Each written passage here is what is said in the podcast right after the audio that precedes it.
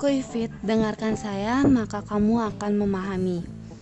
Kali ini kita akan membahas mengenai sejarah perkembangan ilmu sosiologi. Awal kemunculan sosiologi. Ilmu sosiologi bersumber dari filsafat. Apa itu filsafat? Filsafat merupakan ilmu yang berusaha mencari sebab bagi segala sesuatu berdasarkan pikiran atau rasio. Filsafat berkembang seiring perkembangan kehidupan masyarakat. Filsafat kemasyarakatan atau sosial muncul dalam cabang filsafat khusus. Filsafat ini menguraikan tentang harapan dan keadaan kehidupan masyarakat yang diinginkan atau dianggap ideal. Meskipun demikian, filsafat merupakan pengetahuan yang bersifat subjektif oleh karena itu, setiap ahli filsafat zaman dahulu memiliki standar cenderung subjektif ketika mempelajari kehidupan masyarakat. Dalam artian, filsafat ini atau sosiologi ini merupakan suatu ilmu yang subjektif ya. Kita harus melihat unsur dari masyarakat A, terus melihat unsur masyarakat yang lainnya. Jadi tidak tidak harus dengan satu pandang saja kayak gitu. Nah, secara garis besarnya, pada dasarnya prinsip kelahiran sosiologi ini bisa kita lihat dari perkembangan awal itu terjadi ketika pada abad kelima Masehi ya, di mana masyarakat harus diterima sebagai bagian dari kehendakan ilahi. Jadi mau nggak mau nih masyarakat harus diterima ya sebagai kehendakan dari ilahi. Kemudian lambat laut kan masyarakat udah diterima nih akan mengalami yang namanya adaptasi dong. Nah adaptasi ini kan merupakan harus sesuai dengan keadaan yang sekarang, maka terjadilah perubahan. Ini masuk kepada abad pencerahan, yaitu abad ke-17. Perubahan yang terjadi dalam masyarakat harus dapat dijelaskan secara masuk akal atau rasional. Karena masyarakat ini dinamis, jadinya perubahan-perubahan yang ada dalam masyarakat itu harus dijelaskan dengan cara yang rasional atau sesuai dengan fakta. Nah, kemudian lanjut pada abad ke-18 yaitu abad revolusi. Terjadinya perubahan revolusioner karena struktur atau tatanan masyarakat yang lama dengan cepat berganti dengan struktur yang baru. Ya, struktur itu apa sih, Bu? Tatanan itu apa sih? Kalau misal kita masuki ke era sekarang, struktur itu kayak sistem pemerintahan ya, kayak gitu. Nah, barulah dari abad revolusi tersebut terjadinya kelahiran sosiologi pada abad ke-19 ya berupaya membangun suatu teori sosial berdasarkan ciri-ciri hakiki masyarakat pada tiap tahapan peradaban manusia. Karena pada dasarnya masyarakat harus diterima kemudian masyarakat mengalami perubahan dan kita harus mencari nih perubahan masyarakat ini harus didasarkan dengan yang rasional dengan adanya teori-teori yang ada dengan adanya berbagai berbagai konsep yang ada seputar tentang masyarakat kayak gitu. Nah, kalau kita rinci lebih detailnya lagi di peradaban, kita lihat perkembangan sosiologi di abad ke-19. Banyak pengetahuan dari filsafat yang kemudian berkembang menjadi ilmu pengetahuan. Sosiologi pun mulai berkembang menjadi ilmu pengetahuan.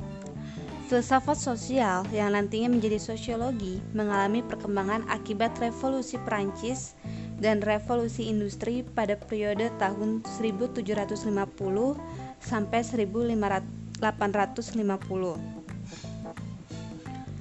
Revolusi industri ditandai dengan terjadinya perubahan secara besar-besaran di bidang pertanian, manufaktur, pertambangan, transportasi, dan teknologi.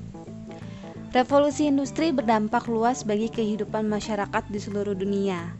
Akibat revolusi industri, feudalisme dan kapitalisme semakin berkembang. Situasi tersebut memunculkan reaksi-reaksi masyarakat yang menentang sistem tersebut. Revolusi Prancis dan revolusi industri mendorong para ilmuwan menganalisis dampak kapitalisme dan feudalisme tersebut. Para ahli ingin mengetahui latar belakang, pola-pola dan jalan keluar mengatasi persoalan yang diakibatkan kapitalisme dan feudalisme. Salah satu tokoh yang menganalisis fenomena tersebut adalah Auguste Comte. Ia menentang segala bentuk kekacauan seperti penindasan, kemiskinan, dan pelanggaran hak asasi manusia. yang disebabkan oleh pencerahan dari revolusi. Dari tokoh inilah lahir istilah sosiologi yang termuat dalam karya pertamanya berjudul The Course of Positive Philosophy tahun 1838. Oleh karena itu, Agus Comte mendapat sebutan sebagai Bapak Sosiologi. Lanjut ke perkembangan sosiologi pada abad 20. Perkembangan ilmu sosiologi pada abad 20 ditandai dengan munculnya ilmu-ilmu yang bersifat mikro, yang fokus pada analisis proses sosial berskala kecil tentang yang dilakukan, dikatakan, dan dipikirkan manusia. Sebagai contoh, interaksi diri dan peran sosial yang lebih sempit cakupannya dalam hubungan interaksi masyarakat dengan lingkungan.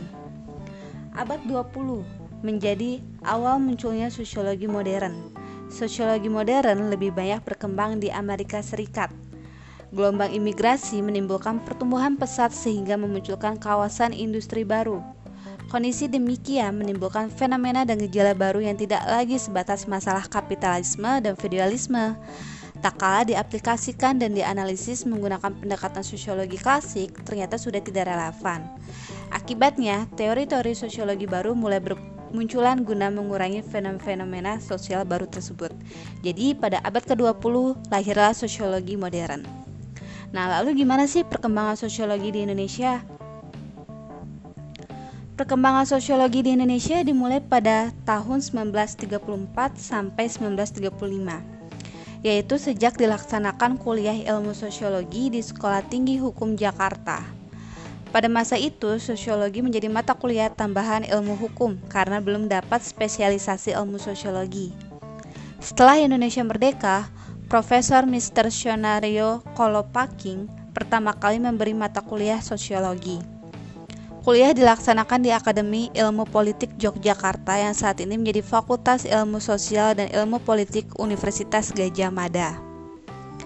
Buku Sosiologi versi Indonesia pertama kali ditulis oleh Do Kondo Kusumo berjudul Sosiologi Indonesia.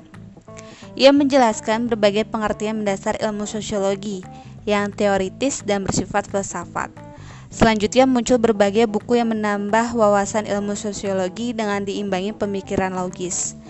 Dapat dikatakan, perkembangan ilmu sosiologi pada mulanya hanya melengkapi ilmu lain, akan tetapi, melihat pentingnya memahami dan mempelajari masyarakat Indonesia, akhirnya sosiologi menjadi ilmu pengetahuan yang berdiri sendiri.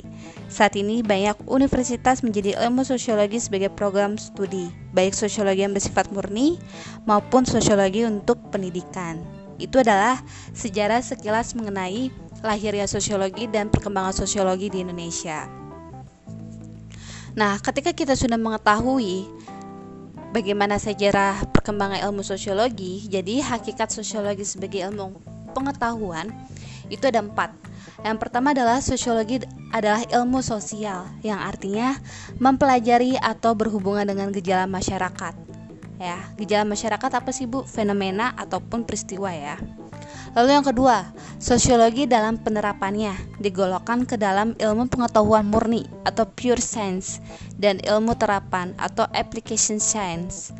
Terus yang ketiga, sosiologi membentuk pola umum, meneliti dan mencapai yang menjadi prinsip dan hukum umum dan interaksi manusia serta sifat bentuk isi dan struktur masyarakat. Dan terakhir adalah sosiologi merupakan ilmu umum, mempelajari gejala-gejala yang ada pada interaksi antara manusia. Nah, itulah pembahasan kita kali ini mengenai sejarah dan hakikat sosiologi sebagai ilmu pengetahuan. Dengarkan saya, maka kamu akan memahami.